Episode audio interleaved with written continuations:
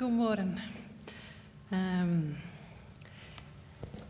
jeg skal ikke holde en um, Altså, jeg skal bare få dette greiene her på plass, så det henger. Sånn. Jeg er mye rundt uh, og holder foredrag om situasjonen i Midtøsten og andre plasser.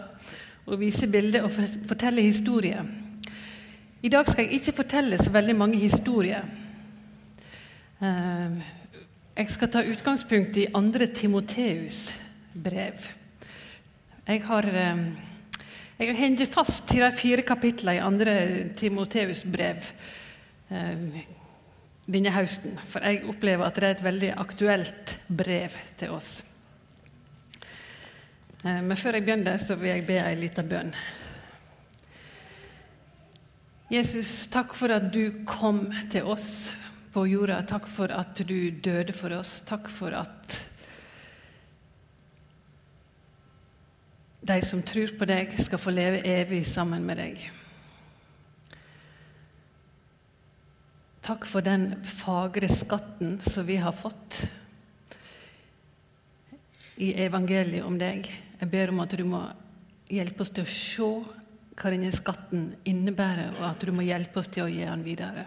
I ditt navn, Jesus. Amen. Jeg skal rett og slett begynne med å lese første, første kapittelet i eh, andre Timoteus brev. Eh, og De som ikke har bibler med dere, de har det sikkert på telefonen, da, de fleste av dere. De kan jo lese andre Timoteus når de kommer hjem. Der er bare fire korte kapittel. De sier ganske mye eh, om vår tid og om den tida det var skrevet i. Paulus, Kristi Jesu apostel etter Guds vilje, utsendt med lovnaden om liv i Kristus Jesus, hilser Timoteus, mitt kjære barn. Nåde, miskunn og fred fra Gud vår Far og Kristus Jesus vår Herre. Med takk til Gud, som jeg tjener med rent samvitt, slik, fedrene mine gjorde husker jeg stadig på deg natt og dag i bønnene mine. Jeg husker tårene dine, og jeg lengter etter å få se deg att. Det ville fylle meg med glede. Jeg tar på nytt fram i minnet den ærlige trua di som først bodde i Louis, mormor di, og i Evnike, mor di. Jeg er viss på at du òg bor i deg. Derfor vil jeg minne deg om dette. La Guds nådegåve i deg flamme opp på nytt den du fikk da jeg la hendene på deg. For Gud gav oss ikke ei ånd som gjør motløs. Vi fikk anden som gjør kraft, kjærleik og visdom. Du skal ikke skamme deg over vitnemålet om vår Herre, og heller ikke over meg som er fange for Hans guld, men bær lidingene for evangeliet, du òg, i den kraft som Gud gjev. Han har frelst oss og kalla oss med et heilagt kall, ikke på grunn av gjerningene våre, men etter sin egen vilje og nåde, den som er gjeven oss i Kristus Jesus fra evige tider, og som nå har blitt åpenbæra da vår Frelser Kristus Jesus kom til jord. Han har gjort ende på døden og ført udødelig liv fram i lyset med evangeliet. For det er jeg sett i herold, apostel og lærer. Derfor er det jeg lid, men jeg skammer meg ikke, for jeg veit hvem jeg tror på. Jeg er sikker på at Han har makt til å ta vare på det som er tiltrudd meg, helt til dagen kommer. La de sunne orda du har hørt av meg, være ditt føredømme i tru og kjærleik i Kristus Jesus. Ta vare på den gode skatten som er tiltrudd deg ved Den hellige ande som bor i oss. Du veit at alle i Asia har vendt seg fra meg, og mellom dem er Fygelos og Hermogenes. Jeg stopper der. Eh, andre Timoteus, det er eh, Det var skrevet fra Roma, der Paulus satt i fengsel. Og Dette her skal være det siste brevet som vi har fra den store apostelen. En vet faktisk ikke helt sikkert hva som skjedde med han etterpå. Men når Paulus skriver dette, så vet han sannsynligvis at livet går mot slutten. Og Dette er ikke bare det siste han skrev, det blir også regna som det mest personlige av alle brevene til Paulus.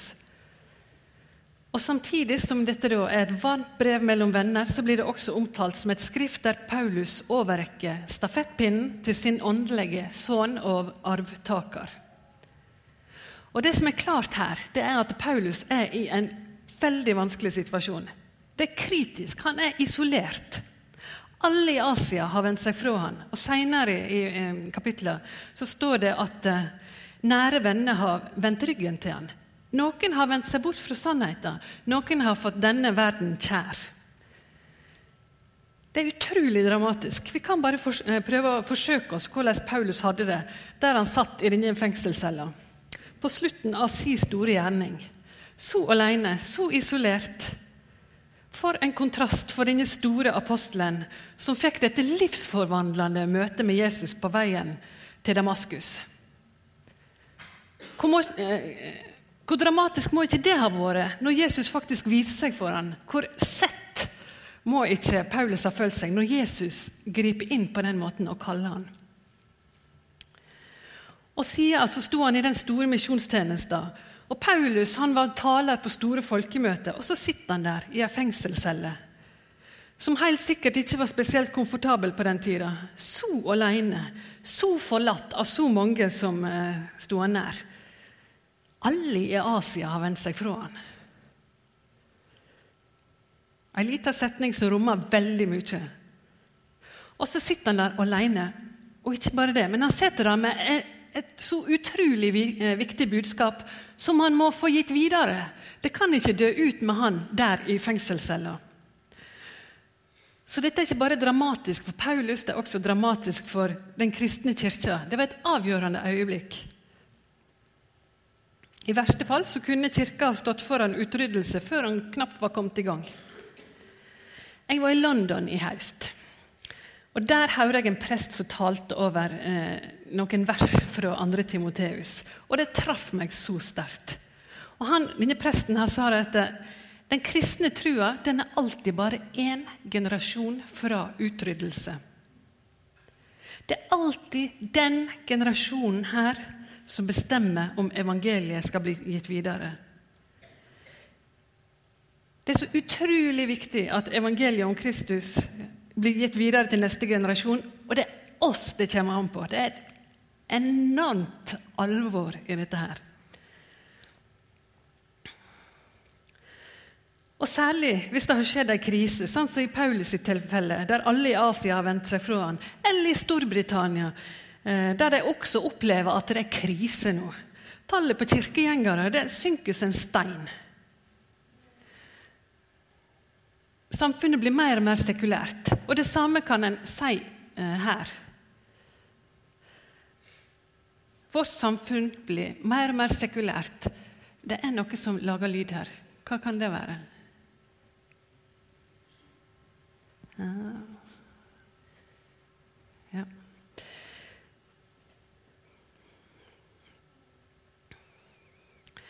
Særlig når det er krise, så er det enda mer maktpåliggende at vi får gitt denne stafettpinnen videre.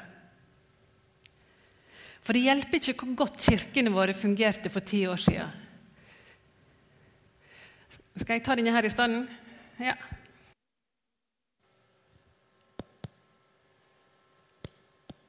Hallo? Ja. Det er ikke et godt kristelig møte uten at vi fikler med teknikken. Bare la det være så klart. Sånn er det alltid. Ja. Nå henger den fast, så den får bare henge. Ja. Altså Det hjelper ikke hvor godt kirkene våre fungerte for ti år siden. Det avhenger av oss nå. Det hjelper ikke at det var vekkelse ute i mathopen på eh, dette bedehuset som nå ligger langt inne i skogen. Eh, det avhenger av oss nå. Bedehuset ute i mathopen eh, som ligger inn jeg vet ikke hva det heter engang. Det ligger midt inne i skogen. Det var gjenstand for en stor vekkelse. Folk kom fra hele Bergen vest til dette bedehuset der ute for en generasjon siden. Eh, Vassenden bedehus i året etter krigen. Nå står det til nedfalls, vinduene er knust. Det avhenger av oss nå i denne generasjonen. Tilbake til Paulus. Han gjør det eneste han kan der han sitter. Han skriver brev til et av de menneskene som ikke har forlatt han, til en av de som han vet at han fremdeles kan stole fullt og helt på. Eh, og Så ber han han om å komme, og så overleverer han stafettpinnen videre i dette brevet. Ta vare på den fagre skatten som er betrodd deg, ved Den hellige ånd som bor i oss, skriver Paulus til sin nære venn og åndelige arving. Paulus, nei, Timoteus han var en mann av et sånt kaliber at han kunne bære en skatt, sånn skatt videre. Og måtte vi klare det på samme måten. Andre Timoteus det kan deles inn i tre. Den første delen det er en oppmuntring til Timoteus eh, om å være en god Jesu Kristi stridsmann. Den andre delen det handler om kamp mot falsk lære og forførere. Og så er det da Paulus sine avskjedsord. Men hovedmålet med dette brevet det er oppildne og gi det videre. Og han gir Timoteus oppmuntring med på veien. Han omtaler han som sitt kjære barn. Han anerkjenner oppveksten hans. Timoteus vokste opp i en heim der både mora og mormora tok trua alvorlig. Og han viser til de nådegavene som han har fått, da Paulus la hendene på han. Og han viser hvor solid og troverdig det er, det som han skal gi videre. Det står i kapittel 3, vers 14. Men du skal holde fast på det du har lært og er blitt overbevist om. Du vet jo hvem du har lært av. Helt fra du var et lite barn, har du kjent de hellige skriftene. De som kan gi deg visdom til frelse ved trua på Kristus Jesus. Hver bok i Skrifta er innblåst av Gud og nyttig til opplæring, tilrettevisning, veiledning og oppdraging i rettferd, så det mennesket som tilhører Gud, kan være fullt utrusta til all god gjerning. Og Han bruker også disse ordene som mange av oss sikkert har brukt, både for å sette mot i oss sjøl og andre, at Gud ikke ga ei ånd som gjør motløs, men ei ånd som gir kraft og kjærleik og visdom. Når jeg blir slått av hvor aktuelt dette brevet er, så er det også fordi at eh, det handler om å gi evangeliet videre i en krisetid. Brevet beskriver frafallet i de siste tider, og det er ikke veldig hyggelig lesning. Det står i begynnelsen av kapittel 3, fra vers 1. Du skal vite at i de siste dagene skal det komme tunge tider. Da skal folk være sjølopptekne og pengegriske, skrytende, hovmodige, spottende, ulydige mot foreldrene, utakksame og uten tanke for det hellige, ukjærlige og uforsonlige, baktalende og uten herredømme over seg sjøle, rå, uten kjærlighet til det gode, svikefulle, oppfarende og store i egne øyne. De elsker lystene sine mer enn de elsker Gud. Dette var sagt for eh, nesten 2000 år siden, og det kunne vært sagt i dag. Eh, og vi veit at det rammer oss, men det er krevende og ubehagelig å ta et oppgjør med det.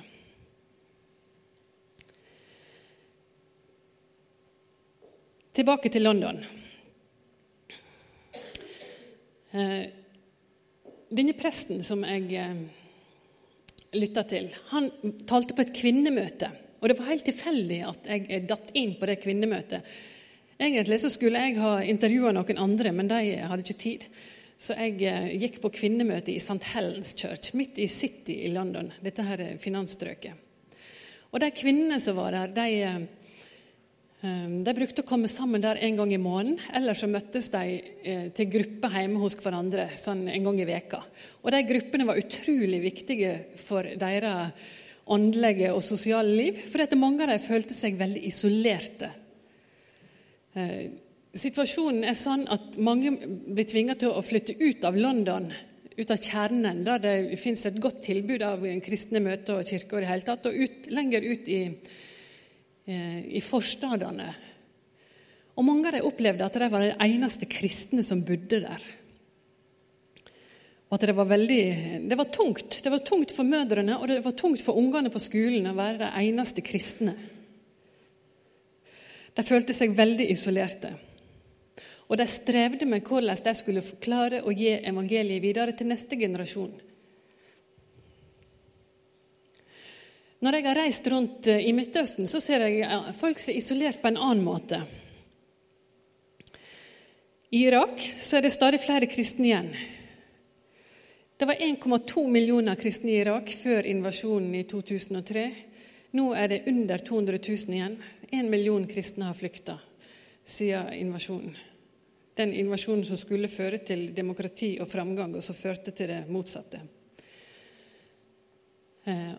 Og De få kristne som igjen, de føler et veldig press, eh, fordi at de har så mange slektninger ute som sier 'kom, kom, de må komme hit', det er mye mer behagelig å leve her. Eh, og de føler et press hjemme i Irak eh, i form av forfølgelse og problem. Og De føler en forpliktelse til å bli fordi at de har en så lang historie. De er så stolte av arven sin, og likevel så, så føler jeg at dette her blir rett og slett for tungt. Det er for farlig. Det er for vanskelig å gi trua vår over til neste generasjon. Ungene våre møter for mange problemer. Og Problemene er også eh, til stades i diasporaen, altså i disse miljøene i utlandet, i Tyskland, i Sverige andre plasser. For hjemme der var Kirken en så eh, sentral del i livet deres. Når de blir spredd for all verden, så mister Kirka krafta si. Fordi at folk blir De bor ikke på samme plassen lenger. De er blitt så isolerte. De får ikke den eh, forkynnelsen, de får ikke den eh, opplæringen. Ungene får ikke gå på søndagsskolen. Og dermed så mister de mister trua, rett og slett. Mange var veldig bekymra. Og vi kan se på oss sjøl eh, at vi føler oss ganske små og sårbare, vi òg. Forrige søndag så var jeg på et bedehus og talte. Der satt de ti stykker, og de så ikke direkte lyst på situasjonen. Så vi kan føle oss eh, at vi er under press. Vi, vi, vi, opplever ikke direkte forfølgelse, sånn som det var sagt her. Og det skal vi være veldig takknemlige for, men vi opplever at eh, det er et press det er ikke lett å gi det videre til neste generasjon. Det er ikke lett å bevare frimodigheten. Og så er det da dette her at evangeliet er alltid bare én generasjon unna utryddelse. Det avhengige. det avhenger av oss. Hva ville vi gjort hvis Altså, Vi syns vi er få, men hva ville vi gjort hvis vi var de eneste som var igjen? Hvis vi var de eneste i Mathopen, eller de eneste på Sotra, eller det eneste i Bergen sentrum som var igjen, og som trodde på Jesus. Hva ville vi gjort? Hvordan ville vi oppført oss? Ville vi Vi ville helt sikkert synes det var kjempeskummelt, og vi ville være redde. Og vi ville kanskje valgt å ligge litt lavt i terrenget og ikke påkalt oss oppmerksomhet. Men det er feil strategi hvis vi skal klare å gi dette videre. For det er avhengig av oss. Det er det som er det store alvoret. Og det må få konsekvenser for hvordan vi lever livet videre. Vi har fått en skatt som skal gis videre, som det står her. Og det er ikke den type skatt som skal graves ned. Det er det som er så komplisert med den skatten her. Andre skatter kan jo legge i et hvelv eller grave ned, og så holder den seg fint. Dette er en skatt som må gis videre. Det er en skatt som kun blir bevart hvis han blir overlevert som en virksom kraft til, fra en generasjon til en annen. Helt til Jesus kommer igjen. Og Timoteus han får med seg en oppskrift på veien hvordan han skal gjøre det.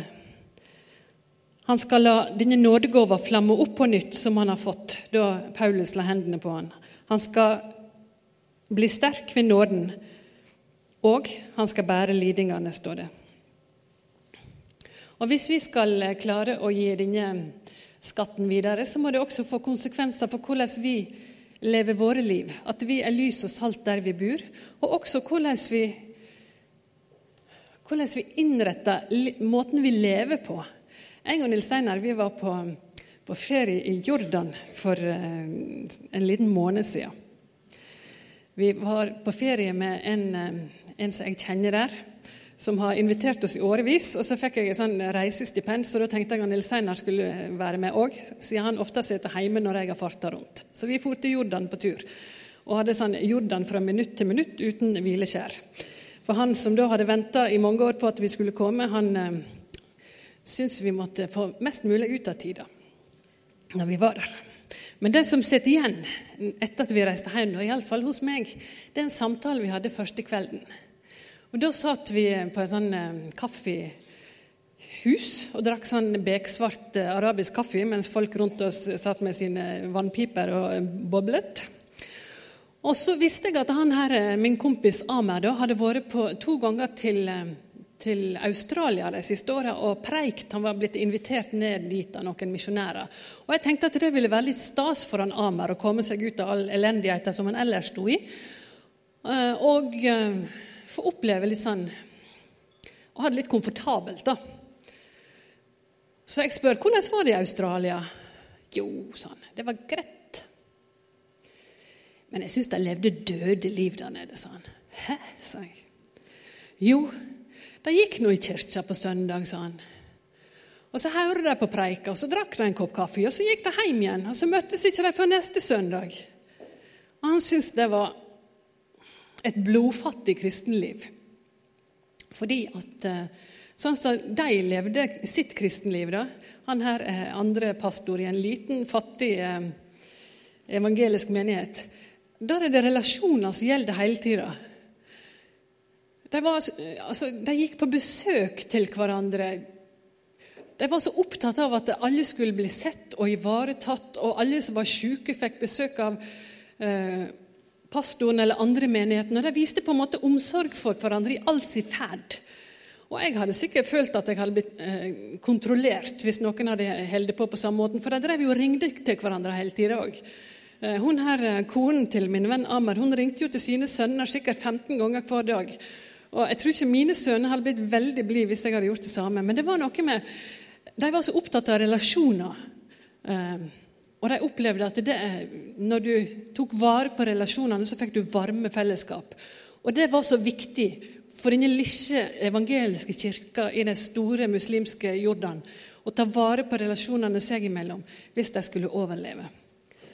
Og jeg tenker at eh, ok, det var greit å flyte rundt i Dødehavet, og det var fint å se Petra, men det som henger igjen i meg, det er dette her med Hjelp meg, altså. Vi må bli bedre til å ta vare på relasjonene våre. Hvis vi skal være lys, hvis vi skal være salt der som vi bor, så må vi ta vare på relasjonene. Ikke bare internt i menigheten, men også ellers.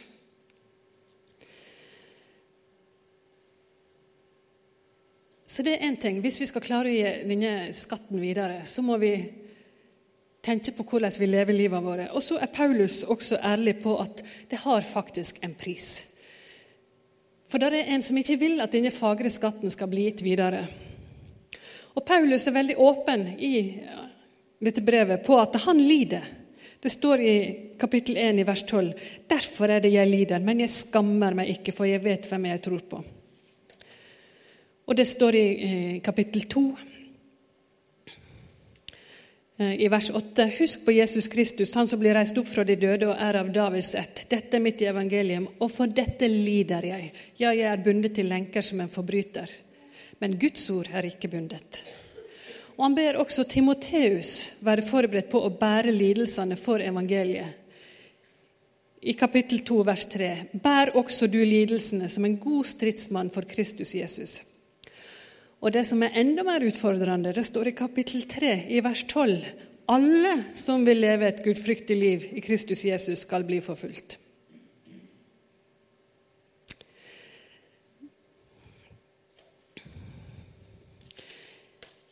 Når jeg har reist i Midtøsten, så har ikke det mangla på eksempel på at kristne er blitt forfulgt for det de tror på. Og noen av disse historiene er utrolig sterke. For de, de, viser virkelig at folk har betalt en pris. De husker sikkert at IS angrep Mosul og de kristne landsbyene i Nord-Irak i 2014.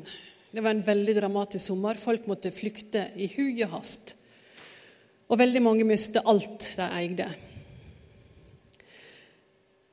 Og En av disse her som flykta, han heter Amer. Han var fra en by som heter Karakosh, den største av de kristne landsbyene på dette som heter Ninnevesletta i Nord-Irak, der mange av disse kristne bor.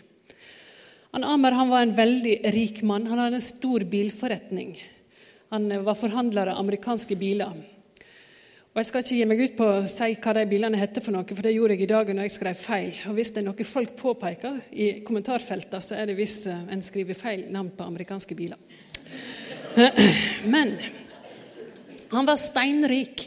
Han hadde en stor Altså, han hadde masse splitter nye amerikanske biler. Han hadde et helt vanvittig delelager.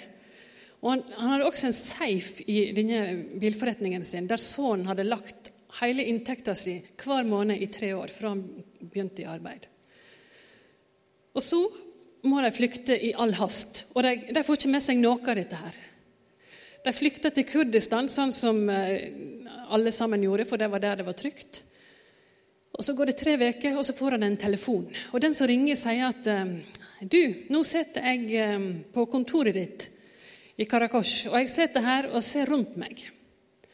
Jeg ser på alle disse her feite amerikanske bilene dine, og jeg ser på det utrolig velutstyrte delelageret ditt. Og jeg lurer på hva i all verden det var du tenkte på som flykta fra alt dette her. Vil du ha det igjen? spør han som ringte. Du kan få det igjen med en gang hvis du konverterer til islam. Og han Amer sa at eh, jeg tenkte ikke meg om et sekund engang. Jeg tvilte overhodet ikke. Jeg takka nei. Og så bretta han opp armen på genseren sin, og så viser han et stort kors som han har tatovert på overarmen her. Og Så roper han på brødrene sine, for han hadde to brødre. Og De kommer. Og Så bretter de opp sine armer, og så viser de korsene. De viste korsa som de hadde tatovert på armen, de òg. Tre menn som hadde mista nesten alt de eide, men som bar korsene på kroppen sin og i hjertet sitt, og som absolutt ikke ville konvertere til islam, selv om det betydde at de da mistet alt de eide.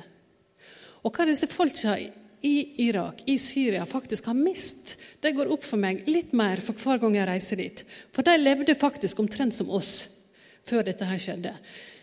De levde ganske komfortable liv. De hadde sine biler, de hadde sine flatskjermer, de hadde Internett og de hadde fine hus. Og så plutselig sitter de i telt i flyktningleirer med framstrekte hender og har ingenting. Det er et fall som er så enormt at eh, jeg, jeg, skjønner ikke det.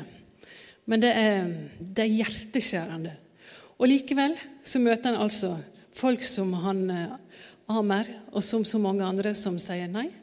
Jeg konverterer ikke, selv om jeg da kan eh, bli spart for all denne elendigheten.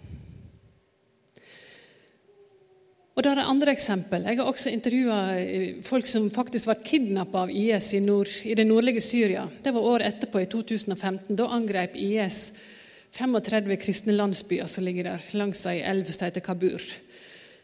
253 kristne var kidnappa, og mange tusen flykta.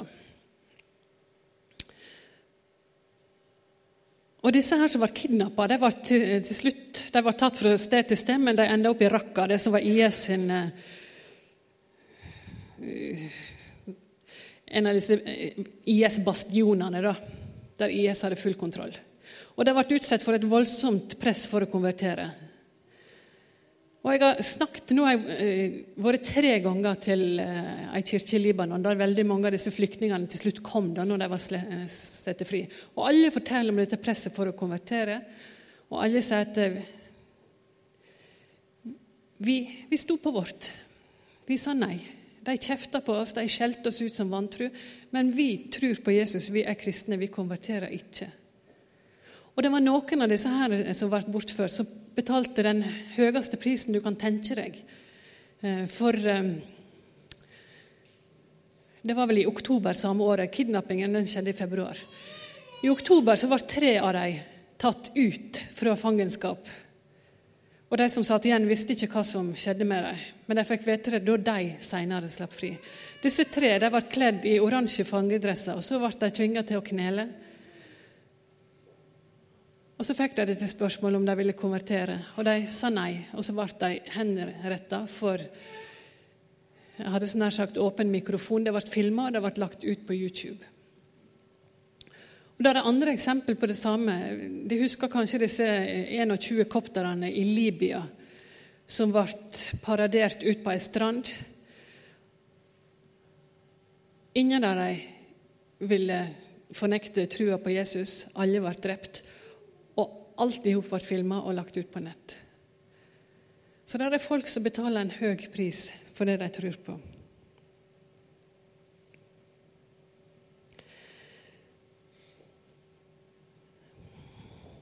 Men det som vi også kan lese fra dette Timoteus-brevet, 2. Timoteus, det er at eh, Gud gir kraft til å stå til å stå fast, til å holde ut til enden. Og det er vitnesbyrdet som Den lidende kirke gir oss. Jeg sa jeg skulle ikke snakke noe om den turen til Libanon, men jeg skal fortelle én ting.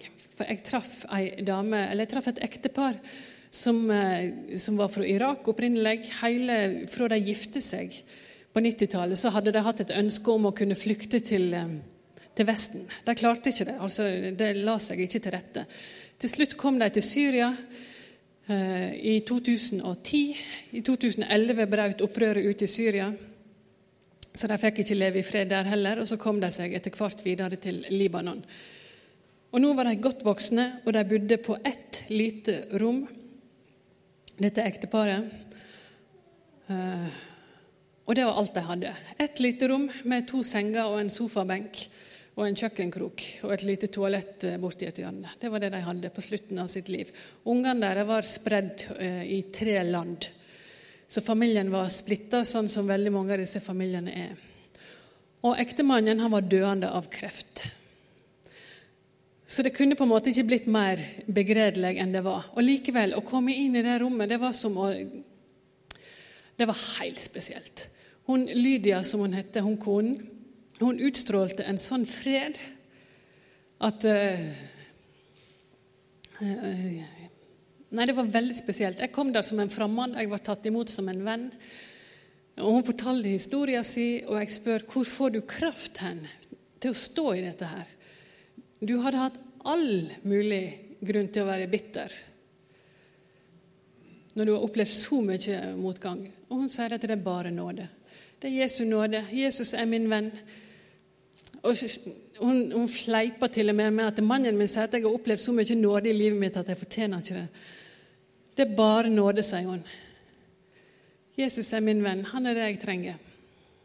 Hun sa jeg har brukt opp alle pengene mine på medisin til mannen min. Halleluja. Jeg hadde penger som jeg kunne bruke, sa hun. Men nå er de vekk. Um, så det de hadde igjen, men som de opplevde var nok, det var å klamre seg til Jesus. Ungene til dette ekteparet de var i Beirut i sommer for å ta farvel med faren sin.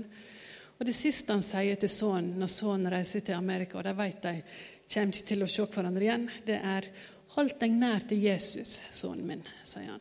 Det er det siste han sier. Det er det eneste som bærer. Og så sier Paulus på slutten i kapittel 4 Så viser han også at eh, Guds nåde holder til slutt. Når alt annet rakner, når han sitter alene, når hele Asia har vendt seg fra han, så holder Jesus til slutt.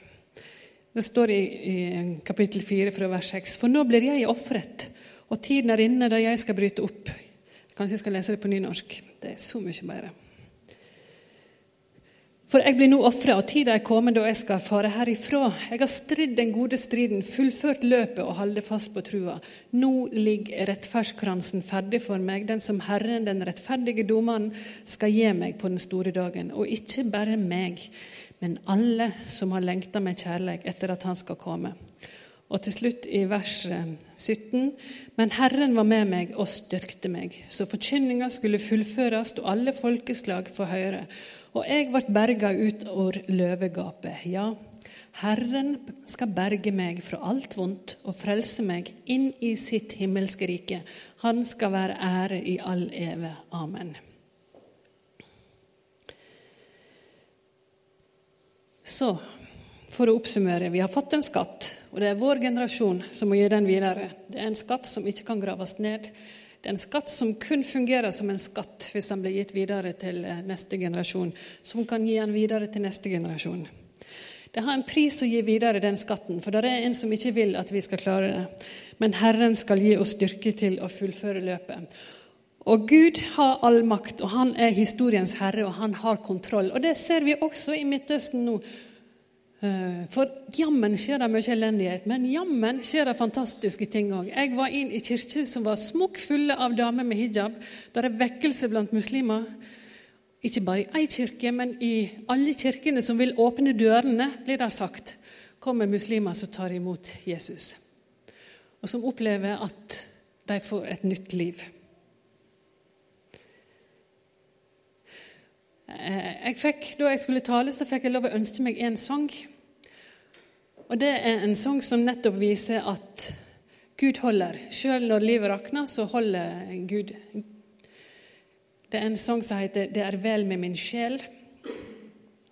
Den var skreven av en som mistet veldig mye. Alle barna hans døde. Ehm, og Likevel så kunne han skrive en så vakker sang som dette her.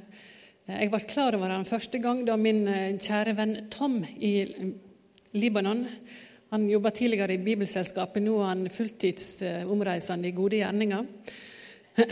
Ehm, og Han var og besøkte ei ung mor som hadde fått sin første baby mutters alene, langt vekk fra, fra sin familie. Ehm, og Da sang han denne sangen for henne, 'Det er vel med min sjel'.